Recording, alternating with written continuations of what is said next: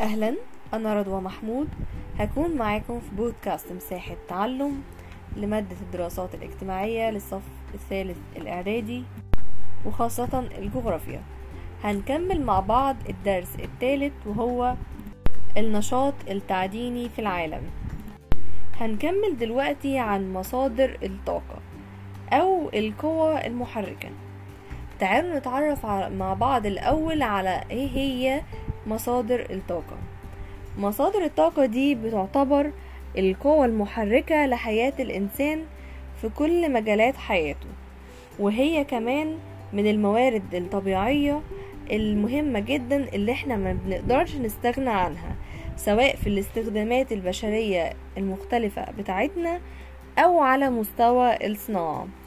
فنقدر نعرف الجزء ده بأن المصادر الطاقة هي القوة المحركة لحياة الإنسان في جميع المجالات وهي من الموارد الطبيعية المهمة التي لا غنى عنها على مستوى الاستخدامات البشرية المختلفة أو على مستوى الصناعة. تعالوا نتعرف مع بعض على إيه هي مصادر الطاقة دي في العالم. معانا دلوقتي سبع أنواع.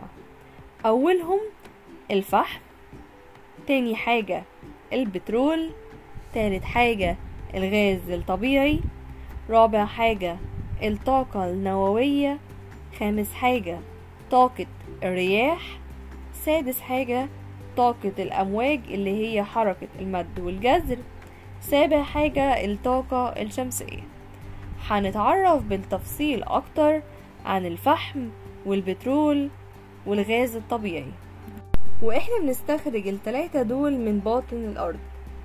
تعالوا نتعرف على أول واحد فيهم وهو الفحم هنتعرف على أهميته وأهم القارات والدول المنتجة ليه. الفحم بيستخدم في توليد الكهرباء وكمان هو مصدر رئيسي في الصناعة في الدول الصناعية الكبرى.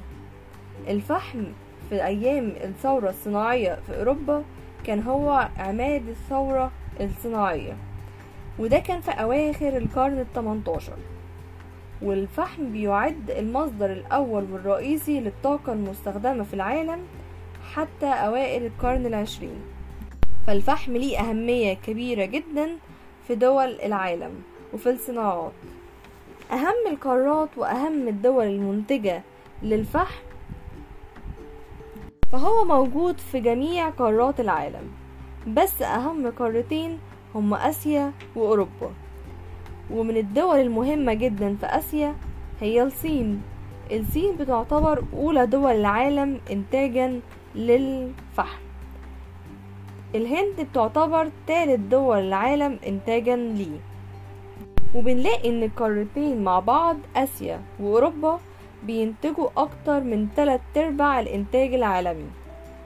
بعد كده بتيجي أمريكا الشمالية في الإنتاج وأهم دولها الولايات المتحدة الأمريكية بتكون تاني دول العالم إنتاجا للفحم. والفحم أصلا بيكون عبارة عن إن هو بقايا أشجار وشجيرات جفت من ملايين السنين تحت التكوينات الصخرية. ونتيجة للحرارة والضغط اللي بيكون موجودين في الأرض بتتحول لمادة كربونية سوداء وهي الفحم الحجري. تاني حاجة معانا وهو تاني مصدر طاقة البترول. البترول ده بيتكون نتيجة لتحلل كائنات عضوية كانت عايشة في البحار واتجمعت بكميات كبيرة جدا وغطتها رواسب التين والرمل وتحولت لبترول. هنعرف دلوقتي إيه هي أهميته وإيه هي أهم الدول المنتجة للبترول؟ أهم أهمية البترول هو من أهم مصادر الطاقة في العالم. لو جالنا سؤال بما تفسر ليه بيعد من أهم مصادر الطاقة في العالم فبسبب إن هو مرتبط ارتباط كبير جدا بالتنمية الاقتصادية وكمان الاجتماعية ومهم جدا في العلاقات السياسية في الدول. لأن هو بيشكل مع الغاز الطبيعي حوالي خمسة وخمسين في المية من الطاقة المستخدمة في العالم. يبقى إجابة السؤال ده بسبب ارتباطه بالتنمية الاقتصادية والاجتماعية والعلاقات السياسية حيث يشكل مع الغاز الطبيعي حوالي 55% من الطاقة المستخدمة. يبقى هو من أهم مصادر الطاقة في العالم. أهم الدول المنتجة ليه هي السعودية. السعودية بتعتبر أولى دول العالم إنتاجا للبترول. وتاني دول العالم إنتاجا للبترول بنلاقي دولة روسيا. وتالت دول العالم إنتاجا للبترول هي الولايات المتحدة الأمريكية. وعلشان بنلاقي إن في زيادة جدا في الطلب على البترول وإن استخداماته متعددة فبنلاقي إن أسعاره دايما بتكون في زيادة مستمرة.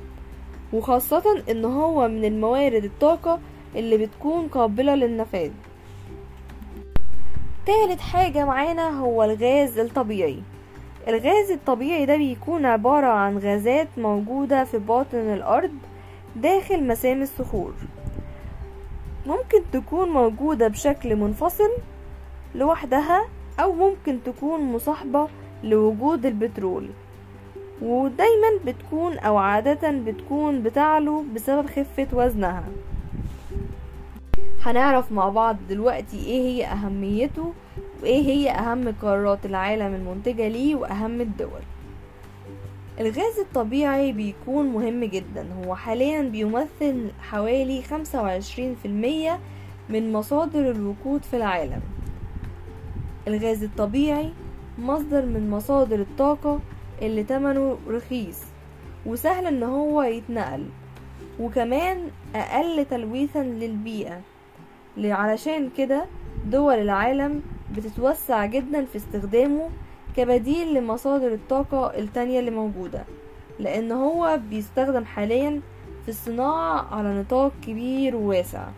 تاني حاجة بيستخدم في في الأعمال المنزلية لأن إحنا بنلاقي عندنا الغاز الطبيعي في البيت بنستخدمه لطهي الطعام. وكمان بنستخدم تالت حاجة فيه في توليد الطاقة الكهربائية. رابع حاجة بنستخدمه كمان كوقود للسيارة بدلا من البنزين علشان نقلل من تلوث البيئة لأن هو زي ما اتفقنا إن هو الأقل تلويثا للبيئة فيهم. أهم القارات المنتجة للغاز الطبيعي هي قارة أوروبا. وتعتبر أولى قارات العالم إنتاجا ليه لأن هي بتمثل تلت الإنتاج العالمي. أهم الدول المنتجة ليه فهو بينتج بكميات ضخمة في دول العالم وخاصة في الدول المنتجة للبترول لأن إحنا زي ما اتفقنا إن هو غالبا في معظم الأحيان بيجي مصاحب للبترول. وبنلاقي إن الولايات المتحدة الأمريكية هي أولى دول العالم إنتاجا للغاز الطبيعي. رابع حاجة في مصادر الطاقة هي الطاقة النووية. الطاقة النووية بيتم إنتاج الكهرباء النووية من المحطات النووية السليمة اللي هي السلمية. يبقى بيتم إنتاج الكهرباء النووية من المحطات النووية السلمية. أهم قارات العالم المنتجة ليها هي قارة أوروبا. بتكون أولى دول العالم إنتاجا ليها وأمريكا الشمالية بتكون تاني قارات العالم إنتاج إنتاجا للطاقة النووية. خامس حاجة معانا في مصادر الطاقة هي طاقة الرياح. بيتم إنتاج الطاقة الكهربائية من الرياح. زي بعض الدول المتقدمة في فرنسا وبريطانيا والولايات المتحدة الأمريكية بيبدأوا إن هم يستخدموا طاقة الرياح لإنتاج طاقة كهربائية. وكمان خمس دول عربية بتقدمها. من أولهم مصر وكمان بيجي بعدها المغرب. بيستخدموا طاقة الرياح. سادس حاجة معانا هي طاقة الأمواج وحركة المد والجزر دي بتستخدم في إنتاج الطاقة الكهربائية هي كمان في بعض الدول المتقدمة. زي بريطانيا وفرنسا واليابان. سابع حاجة معانا هي الطاقة الشمسية. الطاقة الشمسية دي بتعتبر مصدر نظيف جدا للطاقة مش بيسبب تلوث. فهنلاقي عندنا إن بعض الدول اتجهت علشان تستخدم الطاقة الشمسية كمصدر جديد للطاقة النظيفة اللي مش بتسبب أي تلوث. زي مصر مثلا بدأت إن هي أقامت محطات توليد كهرباء للاستخدامات المنزلية. يبقى إحنا كده عرفنا كل مصادر الطاقة وشرحناها بالتفصيل. بس إحنا عندنا هنا الكهرباء اللي بيتم إنتاجها من الفحم والبترول والغاز الطبيعي بتتسمى الكهرباء الحرارية. لكن الكهرباء اللي بيتم إنتاجها من الأمواج والمد والجزر والسدود والشلالات بتسمى الكهرباء المائية أو الكهرومائية. وبكده نكون اتعرفنا في الجزء ده على مصادر الطاقة. وأهميتها وأهم الدول اللي بتكون موجودة فيها بشكل كبير وبتنتجها بشكل كبير. وبكده نكون خلصنا الدرس الثالث.